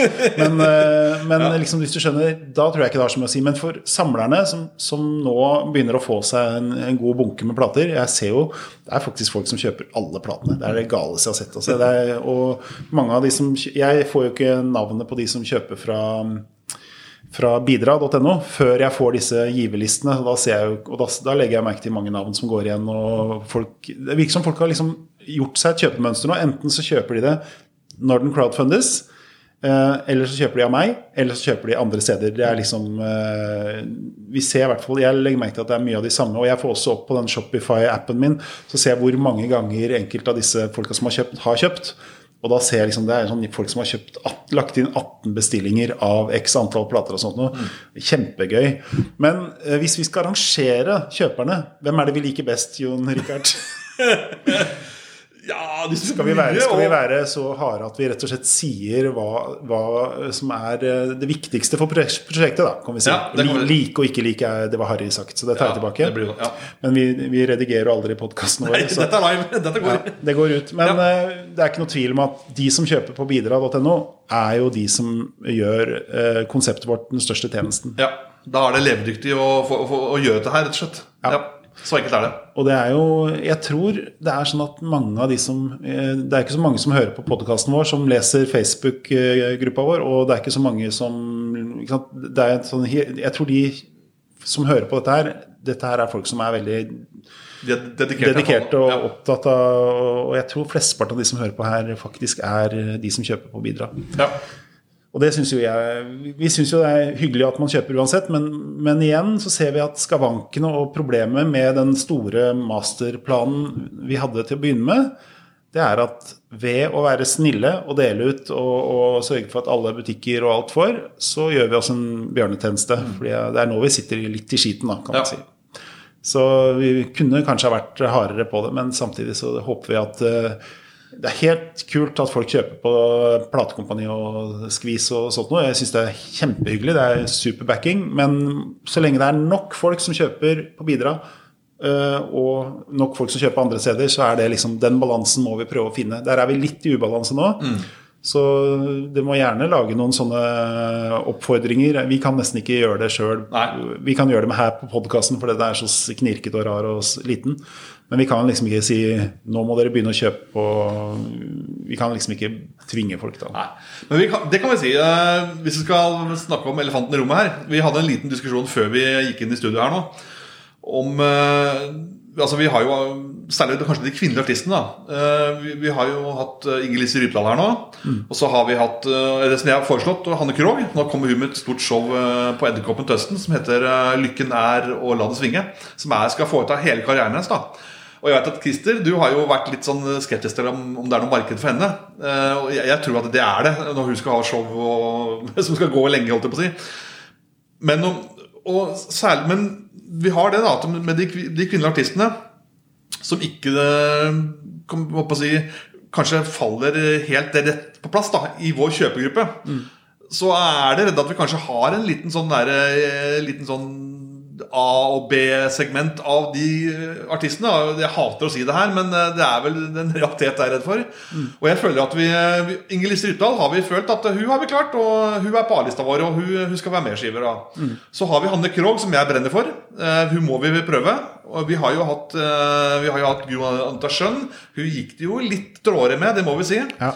Og så, men spørsmålet er Er folk kl- kl- klare for å kjøpe plater med de, det man i gamle dager da kalte syngedamer? Vi ser at det nå var noen som eh, brant for å få Grete Kausland. Og det er jeg helt klart for. Men hun er jeg litt mer redd for kanskje faller utenfor kjøpergruppa, kjøpegruppa, sånn som Ellen Nikolaisen, som andre har foreslått. Eh, ja, jeg hater å si det, men eh, altså, vi, vi må jo prøve det her. Vi kan ikke gi opp. og vi, vi må ha med de damene òg, føler jeg. altså ja. Ja, helt enig. Hvilken eh, Hanne Krogh-plate er det du snakker om? Jeg tenker om? på nærbildet i første omgang. Og jeg tenker på også albumet alene. Men eh, først og fremst albumet Nærbilde. Det, det må vi starte med. Jeg skal se Ja, nærbildet har vi fått på eh, ja, ja. ja på allerede. Så det, ja, kanskje vi skal, skal vi prøve på, da. Vi tar en Hanne Krogh-plate. Og så får du Så håper jeg at folk mobilisere eh, hører dette her, og at så, så, så den plata består testen. For hun har en stor katalog, og vi, vi må ha uh, popdame nå. Jeg er jo eh, poppens ridder her. Ja, men jeg syns det er vært dødskult hvis vi får Ja. inn Hanne Krogh. Fordi at det åpner opp ganske mye. For, for meg er det en eller annen sånn Jeg har en sånn tanke om eh, Kanskje ikke noe pent å si, men Hanne Krogh er litt sånn Hun er en ganske sånn generell artist. Hun har Mm. ikke en fan Litt Anita eh, Ikke Anita Skøye, men eh, Wenche Myhre har du også, Ja, Wenche. Myhre, men Anita Hegeland. Hegeland, ja, ja. Hun også har en sånn Jeg vet at det fins masse folk som liker henne, og spesielt rundt i verden, for hun er jo enorm rundt i verden. Ja. Men, men de som liker henne i Norge, hvem er de? Hvor er de? Finner vi de, liksom? Er det sånn uh, Jeg skulle ønske alle men, Jeg er liksom egentlig litt mot den der dataovervåkingen av mennesker som det er nå. Men det hadde vært jævlig deilig å ha en dataovervåking på hvor er alle Hanne Krogh-fans? At man sant. kunne få sånn blinkende lys på et norgeskart, og så kunne du zoome inn, og så kunne få Her er mailadressen, liksom. Mm. Uh, Jeg vet at du har en Facebook-gruppe og har uh, lojale fans der. Da, sikkert. Hvor mange er det hun har? Nei, vet, jeg vet ikke hvor mange følgere du har. Det vet jeg ikke Men, eh, men vi, vi må jo selvfølgelig eh, nå ut til henne og prøve å ja. For det kule med Hvis Sanne Krogh hadde gått inn eh, Nå er kanskje nærbildet den beste? Eller den Ja, mest interessante? Det var det, det store kommersielle gjennombruddet, i hvert fall, kan man si. Ja. Men sånn sett så er det jo Kjerke og du har Høstvise der, og du har til og med Beatles-cover. Og det er liksom, ja, fin skive, altså. ja, Nå begynte vi jo med Inger-Lise Rypdal i en helt sånn ko-ko rekkefølge. Jeg bare Ja. så coveret, og jeg elsker eh, Hun er så pen at jeg holdt på å dø. Ja. Men, eh, men, Men, eh, men ja, du visste at det var en bra skive, da. Selv Ja. om det var på en måte nesten om i hvert fall midt i katalogen. Eller i hvert fall, ja. Det var faktisk starten. Og Ja, det, ja. og det er litt sånn jeg tenker at uh, det var jo ikke et logisk sted å starte med Inger Lise Rypdal, annet enn at coveret er ikonisk og, og at det er en del fine låter der. Men, men å begynne med den som kanskje blir sett på som den største Hanne Krogh-plata, er det lite grann skummelt? Er det litt Ja. sånn at hvis vi sliter med den, da veit vi at de kommer til å slite med de andre? Jeg vil heller ikke vite at vi kommer til å slite med de andre og begynt med nummer tre. Fordi da veit vi at ok, hvis den kom i mål Det er litt igjen med dette med godteri og spare. Ja, jeg skjønner. og. Men altså, vi har jo Alene som er en stor suksess, og vi har jo Bobbysocks, første Bobbysocks-skiva som kun er utgitt på CD i Tyskland i, i 1985. Mm. Det må være et marked for det. Vi har ennå ikke starta med Wenche Myhre. Har en stor katalog, og der hun- har hun kanskje noen lojale fans i Tyskland også, som eh, kanskje vil kjøpe, selv om det er på norsk. jeg vet ikke Altså, Vi sleit jo litt med Åse Kleveland, det så vi jo. Selv om det er Ole Paus og Øystein Sunde, og det er liksom ikke måte på vi kan slå i bordet med av kred- kred, kredible navn, men, Men, men jeg føler jo også at, Venk, at, at Åse Kleveland Det er litt sånn mer hipt og litt Ja. mer kred enn Wenche Myhre, er det ikke det? det vil jeg si. Kanskje. Ja. For jeg, jeg, jeg, jeg, er litt sånn at Wenche Myhre er, Får vi samme publikum som Monkeys, nesten? Jeg vet du, altså jeg tror at Wenche Myhre er, er, er bredere.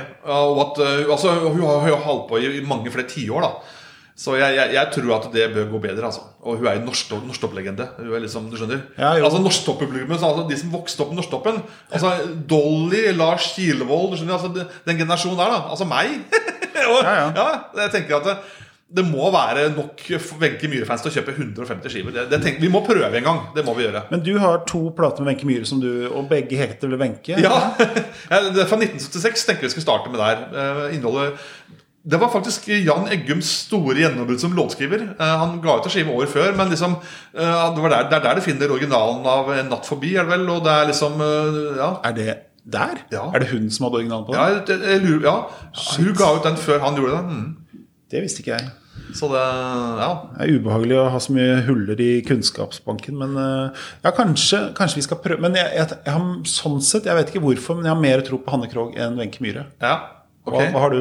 Ja, altså, ja, jeg vil tro det. Eh, Og jeg, Hannekrog ligger også litt nærmere for meg, men eh, Ja, vi kan prøve Hanne Krogh, først, da. I okay. kommer ut med det showet også. Da tar jeg og setter Hanne Krogh og rykker opp i systemet, og så Ja. kommer den på ganske snart. Um, det er jo et eller annet med når vi uh, saumfarte liksom, Hvilke plater er det som ikke har vært på CD? Det var liksom det som er utgangspunktet vårt. Men hva er det som det er marked for som allerede også har vært på CD? Ja. har vi jo snakka litt om. Og vi har jo eh, du, du oppsummerte det ganske enkelt. Ja, eh, jeg tenker at eh, vi kan pinpointe det til 1985 og 1986. 1987, da begynte CD å bli stort, eh, og da hadde mange CD-spillere, og da begynte opplagene også å vokse litt. Og da kom i gåsehudene alt på CD. Men eh, 86 og 85, der er det liksom eh, Vi har de hellige gralene. Sånn som Egil Eldøen. Du har første, altså den uh, Call Me Stranger med Thomsen. Det er jo hypersjelden. Du kjøpte den der? for Jeg har dager kjøpt siden. den nylig, ja.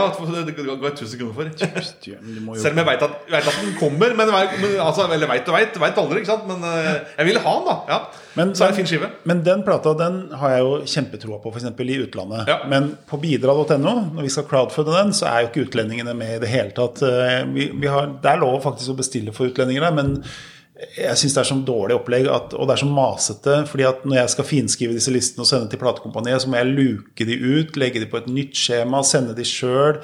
Og det er liksom sånn, fordi de har jo liksom én pris, én fast uh, sum som går. Men akkurat uh, Tror du det fins 150 i Norge nå som vil ha Thousand og Endresen-plata? For det, for det er sånn Når vi så at eh, Olav Stedje 'Kommer nå' Nei, Nei, altså- eh, 'Ta meg med'. Ta meg med, ja. Når den gikk for 1200 kroner og sånt på Discogs, eller 800 og 1000 og sånt noe, og vi så at det var faktisk Det var litt aktivitet. Den ble solgt når den ble lagt ut stort sett for en tusenlapp eh, eller noe sånt. Og, og da beit jo jeg rett på. Tenkte shit, da er det bare å ta den. fordi det er jo folk som kjøper den hele tiden. Men det var jo ikke mer enn? Det var de første 20 som åh, endelig her kommer den. Dum, så kjøper de den. Og så har du jo dette Det er noen som skal ha original førstepressingen uansett, selv om det har dårligere lyd og alt mulig sånt, som syns at det er det staselige å ha i samlinga. Så det er fortsatt folk som vil betale 1000 kroner for den på CD. Det er det. Samlere og sånt noe. Og, og der har jeg jo møtt meg sjøl i døra mange ganger, for jeg tenker jo liksom sånn La oss si Egil Eldøen, da. som jeg vet, hvis den blir crowdfunda, så kommer vi til å selge 100 til til utlandet. Så den kommer til å bli en suksess. Men blir den crowdfunda? Fordi at i utlandet så eh, sitter, der hungrer folk etter dette her. Ja, nei, jeg vet ikke. Jeg håper og tror det. Altså, Lava og Egil Ellund det, altså, det er jo kvalitetsnavn. Ja, ja. Så har vi et lite ess i ermet. Og det er at det er bonusspor på begge de to første eh, Egil Ellund-skivene. Som da vi selvfølgelig må, vi må ta med. Ja. Så eh, de som da har LP-en, må jo på en måte også ha den. og jeg tenker at eh, Ja, den, den var jo Spellemannsdominert, og det er, det er, altså, jeg elsker han skiva. Så jeg er glad jeg kjøpte den da den kom ut. Altså. Rett og slett. Men det bør jo komme i serien vår på sikt også. Men hvilke Ja. andre plater er det som på en måte Hvis man tenker liksom ting som har vært på CD før, som, som jeg er litt i tvil om, men som jeg tror Jeg f.eks. tror at øh, Kjøtt med Op Ja, du, hvis, hvis du tar utgangspunkt i den gamle Sonet-serien, som, som heter En norsk klassiker, så har vi jo Henning Kvitnes, som vi driver med nå. Ja. De har vært ute før. De går litt sånn småsakte, men vi kommer i mål med dem. Så vi har jo, Og de- var jo veldig store på, på nyveiv, da Så Du har jo kjøtt, og du har jo de press, og du har eh, alt av dem. Som, ja. men de har vært ute ganske mange ganger før, så jeg veit ikke. Eh, Men alle opplagene er små. da blir de også utsolgt. Ja, ja. Så Jeg så Kjøtt med opp nå, som var eh, kommet ut i 89 og to ganger til. En gang på 90-tallet og en gang på 2000-tallet. Vi har veldig lyst til å legge på den på nytt, men, men er det ennå 150 som ikke har den? Liksom? Det er jo spørsmålet. Men det er jo andre plater også. Sånn litt mer av den der Grand Prix-verden øh, din, så vet jeg at det er et spørsel i hele verden. øh. Ja, Kate Gudbrandsen eh, ga ut uh, skive i sju den 1987. Den er hypersjelden. Den har jeg ikke sjøl heller. Du har den ikke? Nei. Har du snakket med Jarle? Eh, Ja, han, han, han har den på Han har vent til meg. han har bare sju stykker. Han har, han har den, så eh, d- der var jeg på gang. Uh, ja, hva var usikker. Du noterte notert noe her, sier jeg. Se. Skorgan er jo Ja, Skorgan, selvfølgelig. ja Hun ga ut uh, to skiver som er sjeldne. Karma og White Magic. Dem òg har jeg heldigvis. Uh, vi har vel noen planer for Skorgan. Uh, vi kan vel si så mye. Eh, Uten å si helt vi, har, vi har sagt det før. Vi, vi får bare la det bero litt. Ja. Vi, har, vi, har, vi, vi, vi, ja, vi har tenkt i hvert fall. Vi har Ja, tenkt. jeg har det. Bobby Socks sa du nevnte Yes, litt. Første- Bobby Socks, Den er fra 1985 og er utgitt kun på Metronome Records i Tyskland. Jeg kjøpte den for 900 kroner på Discogs. Den er, eh, Vi nevnte den på forrige podkast også. Det er en fin skive. Den er, inneholder jo eh, en annen Altså Vi har tenkt å utgi den da, med en annen låt. En låt som heter In The Mud. Som ble tatt ut av originalskiva. For at Bobby Socks vant jo året etterpå med Let It Swing, og da valgte man å ta ut eh, åpningslåta og putte inn eh, Let It Swing. Vil da den bli å tegnes, regnes som bonusspor? Ja, da altså I min verden da så skal man da ha med begge, begge låtene, tenker jeg. Så ja. eh, vi har jo dette, så, eh, Vi får se. Men eh, vi, skal, vi skal i hvert fall ha med den låta som ble tatt ut. Det er Ja, helt sikkert. ja, den må i hvert fall inn. Ja. Så ja, vi har jo Og så har det vært snakk om noe Tomboy, vet jeg, som også er litt sjeldent. Eh, Den første Tomboy-skiva kom ut i 85, men den har eh, Den solgte jo enormt mye, gjorde den ikke det? Ja, så jeg tror kanskje ikke den er kanskje ikke like aktuell. Jeg vet ikke hvordan den ligger an på eh, Og så har vi jo, vi har jo, vi har jo Trampteatret. da eh, To skiver med Trampteatret er, er på CD fra før. Det er Pelle Par- Parafens Bø- Bøljeband fra kom i 2003. Og så har vi en som heter Randi og Ronnys restaurant. Kom den på CD? Den kom på CD. Og der brukte man kassettcover som utgangspunkt. Man hadde ikke MP3 tydeligvis. yes. Så der lagde man å lage CD-versjon ut ifra kassettcover. Så der står det Dolby Stereo og liksom sånn på, på ser helt ut. Og den har jeg ikke sjøl, faktisk. Så den, eh, den må jeg prøve å få, få tak i. Yes. Men jeg har LP-en, så vi, vi får ordna det coveret altså, ordentlig. Det får vi. Men andre ting er jo sånn som Chatou. Ja, Chatou, ja. Den må, ja. Det har vi jo egentlig snakka litt om at det bør vi kanskje prøve. Det er Ja. også et enormt marked i andre land. Det er det. Vi hadde en rettighetseier der som lovte at uh, den kommer til å gå sånn. Ja, det kan godt hende. Uh, men det sa vi om Creation òg, da. Uh, jo bra. Det gjorde det, men litt, litt tregere. Men jeg vet at Chateau kom på CD når det var nytt, begge de to skivene. Så, men eh, som sagt, de, jo, de kom jo ut i 1987, så det er jo veldig veldig lenge siden. Ja, Hva med Dag Brandt-plata? Også går jo for noen eh, ganske høye, skyhøye summer. Ja, Den er enda litt nyere enn, men eh, den er Ja, jo for det er sånn 89-90? Ja. ja. Så har vi første return-skiva, som heter To The Top, som kom ut i 1987. Den kom på CD. Jeg har den, men den er jo hypersjelden. Og burde sikkert vært utgitt på nytt igjen. Men jeg tenker at det er vel vi, da snakker vi kanskje litt sånn litt seinere. Kanskje, tenker jeg altså. Men eh, kanskje Egil Eldøen. Det er vel er, er det som er mest sjeldent nå, er det det? Og, Ja, det som har vært ute før. Ja. Jeg, jeg tenker på sånn, Vi har gitt ut en del bokser. Hva med Teigen synger falsk? Ja, nei, jeg tenker at eh, Jeg syns at det, er boksen utgitt, så er boksen utgitt. Da får folk kjøpe boksen, tenker jeg. Ja, Altså. men det er sånn, hvis, du, hvis du har Er lyst det på én eller? plate Ja, jeg vet ikke om det er Jeg tenker jo at eh, det gir jo folk litt mindre mulighet til å velge, men Ja. eh, samtidig så tenker jeg også at da har vi gjort på en måte vårt.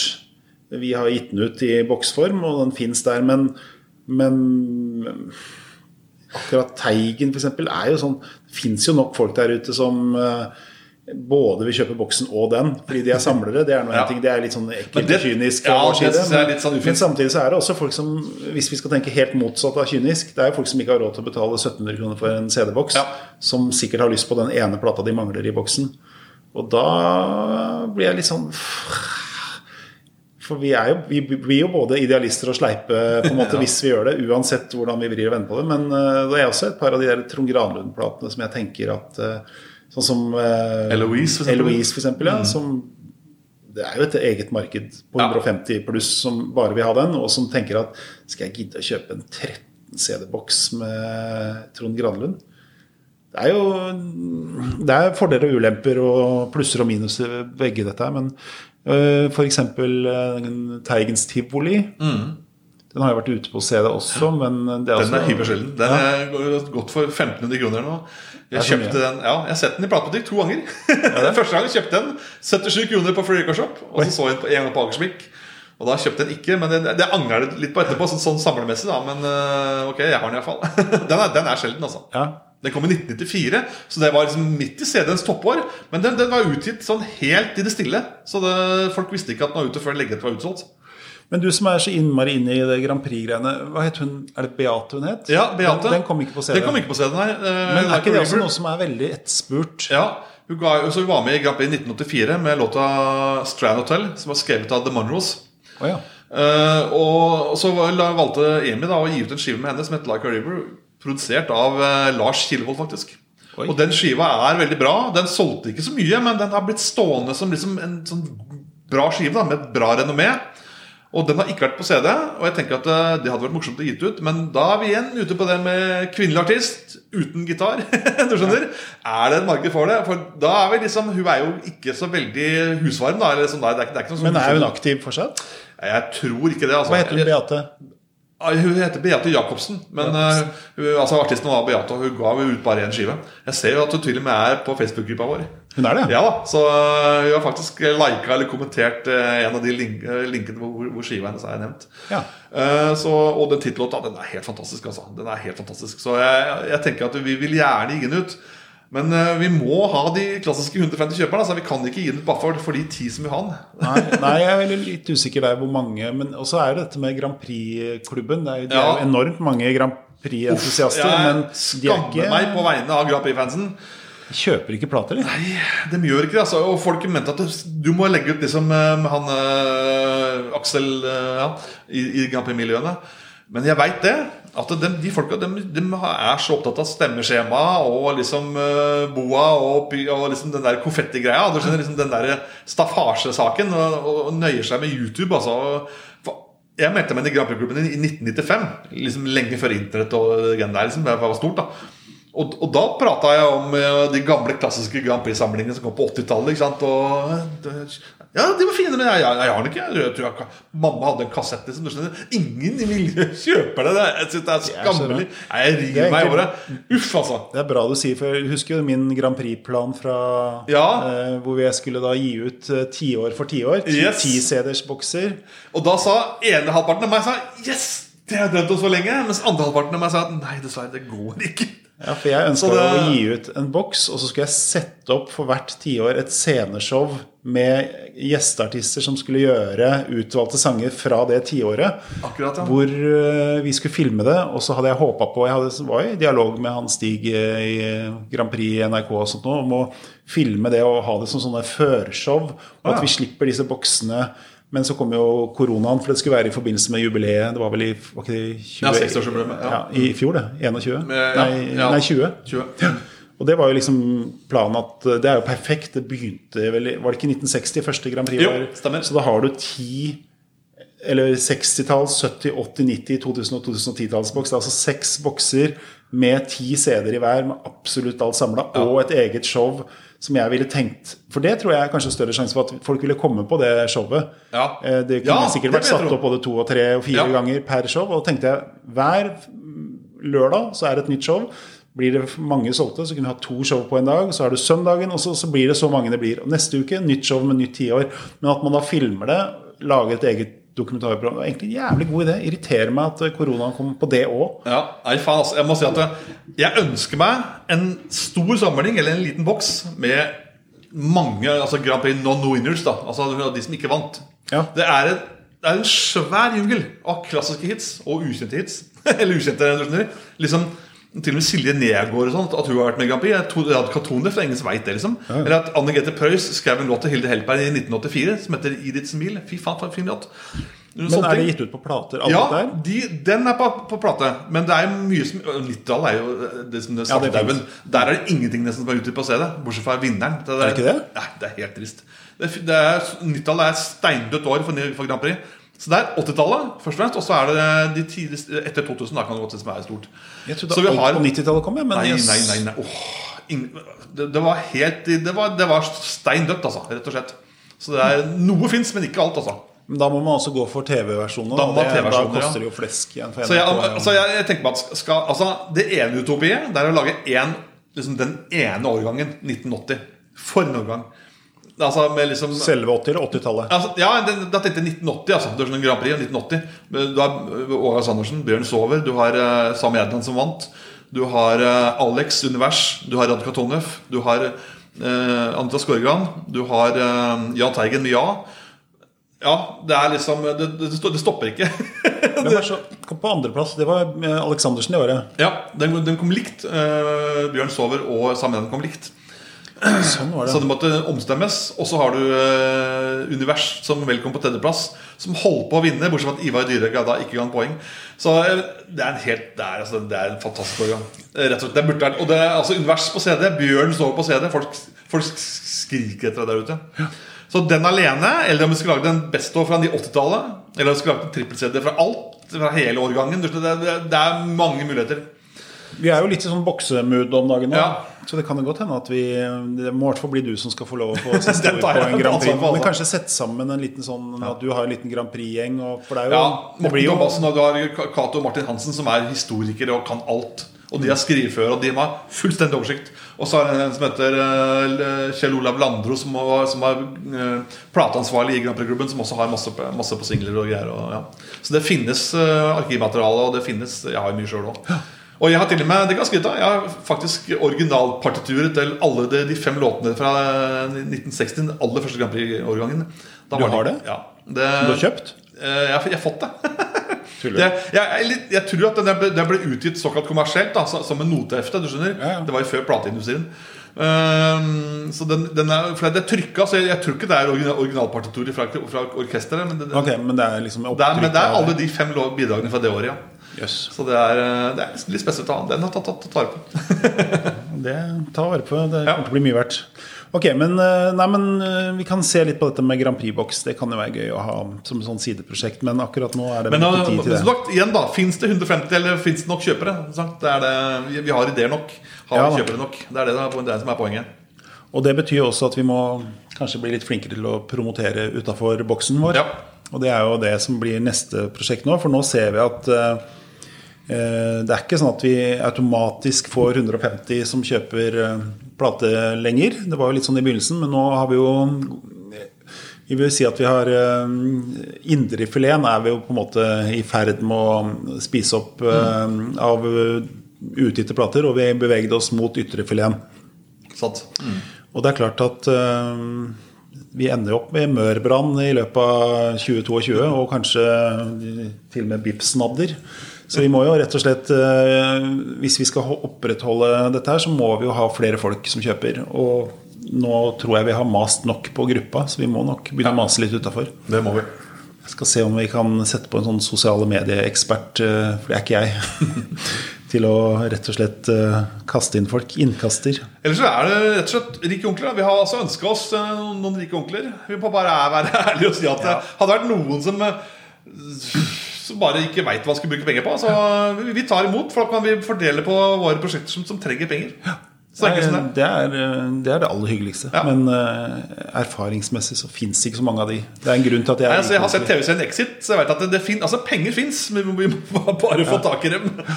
men det er klart at det, jeg altså, Vi veit at Jo Nesbø liker musikk, det vet vi. Men uh, gjør, altså, Stordalen har vel nå sikkert nok med sine problemer i hotellbransjen. Så det, Ja. Kjell Inge Røkke du, altså, du, Jeg vet ikke. Altså, det er eh, kjøpt, kjøpt han plater, liksom? Spilte han i band? Nei. Jeg hadde en greie med, med Stordalen er den eneste jeg kjenner som er rik. Ja. Som sånn ordentlig filthy, stinking rich. Og hver gang jeg hadde en god idé som trengte penger, så fyra jeg av gårde en melding til Stordalen. Og så tenker jeg så irriterende det må være Ja. å få sånne meldinger. Og til slutt så, så Jeg fikk alltid sånn høflige svar. Ah, 'Kjempekult prosjekt', bap, bap, bap, men Og så døde det litt ut. Og så tenker jeg ah, ja, men betyr at han i hvert fall er interessert. Sender et nytt prosjekt. Og til slutt så tok en sånn Kan vi ta en prat om det, eller noe sånt? Og så sa han liksom hver dag så får jeg et sted mellom 200 og 500 forespørsler fra folk som, som har prosjekter som er like fine, bare at da snakker vi om Propellflyforeningen og liksom Ja. Det er hele spekteret av folk som bare trenger Og han er den som er mest profilert. Også, så han har sagt vi går inn av og til med skikkelig mye penger på enkelte prosjekter, men så går vi ikke inn med litt penger noen andre steder. For vi, vi velger liksom to-tre. Samme med Rema også, som også har sikkert sånn Reitan og sånt. Og sånn. Du, nå skal du høre, Reitan, jeg skal gi ut en bok om eh. Ja, sier du det, ja. Du, nå skal du høre. Så det er jo han, der, han gamle fotballspilleren Vidar Riseth, som er markedssjef i, oh, ja. Rema. Ja, ja, visst, ja. Og han sitter jo med den jobben og, og luker vekk og svarer høflig. Det kan ikke være kjip, for da behandler vi jo på Kiwi. Ja. Så de må være hyggelige, høflige, men de driter så langt i oss. Så jeg, jeg tror at uh, vi må leite litt utafor de toppene. Men samtidig så tror jeg at uh, det er fine prosjekter. eh, Det er mange folk som sikkert hadde tenkt jøss, er det så lite som skal til? Ja, det, det er altså For det er irriterende. Altså, når, altså, når jeg hadde den Granlund-saken og det med det da, da, du, du sa én ting, det sa du veldig tidlig, at ingenting gjør seg sjøl. Her må vi jobbe steinhardt for å få inn penger. Og det var å skaffe sponsorer, og det, det var veldig vanskelig. Jeg fikk jo bare 20 000 fra, Lørenskog kommune. Det var det eneste jeg fikk inn. Ja. Men uh, ordentlig finansiering men, men, men så tenkte vi at det er så irriterende når det, er, når det, er, det skal ikke så mange kjøpere til. Det, det er liksom så nært, men så fjernt. da Du skjønner, det er liksom den derre vi må jo det her. Altså, vi må, jeg kan ikke gi meg på det her. Og så endte jo med at å dra kortet litt fra egen lomme. Noe som jeg ikke angrer et sekund på. Det var det beste, beste jeg har gjort noensinne. Men eh, det er klart det det grenser for mange ganger kona tillater det. Liksom. Men, eh, Ja, ja. men no, noen ganger så er det bare så, så riktig jeg gjør det. Liksom. Du skjønner? Ja. Men du, du er jo en av de som drar kortene på alt her, fordi at du er så ivrig. Men, eh, men jeg tenker jo liksom, du er jo en vanlig fyr med vanlig Ja. jobb. Du Ja. er ikke noe riking. Men allikevel så har du personlig sørga for at ganske mange prosjekter har gått gjennom. Og det er jo litt sånn jeg tenker at uh, det er gøy å ha på seg. da. Ja. Sånn, jeg også tenker jo, Det er jo litt sånn litt egotanken i det. At uh, jeg våkner om morgenen og tenker at hadde det ikke vært pga. meg, så hadde ikke den Bendik Hofseth-boksen uh, på tre CD-er og en Ja. DVD og en bok kommet, som er ikke sant, dødslekker. Helt klart, altså. Og litt den er min. Ja, den ikke er- spørsmål, altså. Den er min. Den har aldri vært ute, og mye av den musikken som er der, hadde aldri sett dagens lys hvis det ikke var pga. akkurat deg. Mm. Og det, det er faen meg sånn jeg tenker. Det er mye Det er man kan huskes for, og mye man kan gjøre i livet sitt. Og, men det er en veldig sånn eh, Egentlig litt billig måte å kjøpe seg inn i musikkhistorien på, er at man slenger penga på bordet. Lag en Hanne Krogh-boks, liksom. Hvis du gjør det, og de penga kommer, og, og til og med er ikke sikkert at det blir brukt noe penger, kanskje man går i pluss og at, Ja, eh, at det går så rundt, det er liksom. Du kan garantere for at nå lager vi denne Og da trenger vi ikke å tenke kommers. Du kan, jeg ville tenkt faen, Bendik Hofseth, som jeg da brenner sånn for. Det er jo ikke noe logikk som tilsier at eh, man skal gå i pluss på en eh, Og det gjorde jeg vel neppe heller, men, Og den var til og med på stedet fra før. ja, ja, det også. Ja. Så det er liksom sånn Nei, faen. Bli med og lek. Hvis dere har litt for mye. Så nå ble det ikke noe sydentur i fjor heller. Lag en boks. Get to know us. Det er moro i hvert fall. Ja. si det er du angrer ikke på det senere at at du, liksom at du har strekket deg litt ekstra. Altså det er, du angrer ikke på det. Altså, Nei, jeg tror det er litt sunt I mitt tilfelle så jeg, Nå sitter jeg her. ikke sant? Vi har gjort Marius Müller-boksen, som jeg var en stor del av. Jahn Teigen. og det, det er liksom, du skjønner Det er jo fantastisk. Ja. Hadde det ikke vært for Graner, så kanskje det ikke hadde vært noe, noe sted i hele tatt. Nei.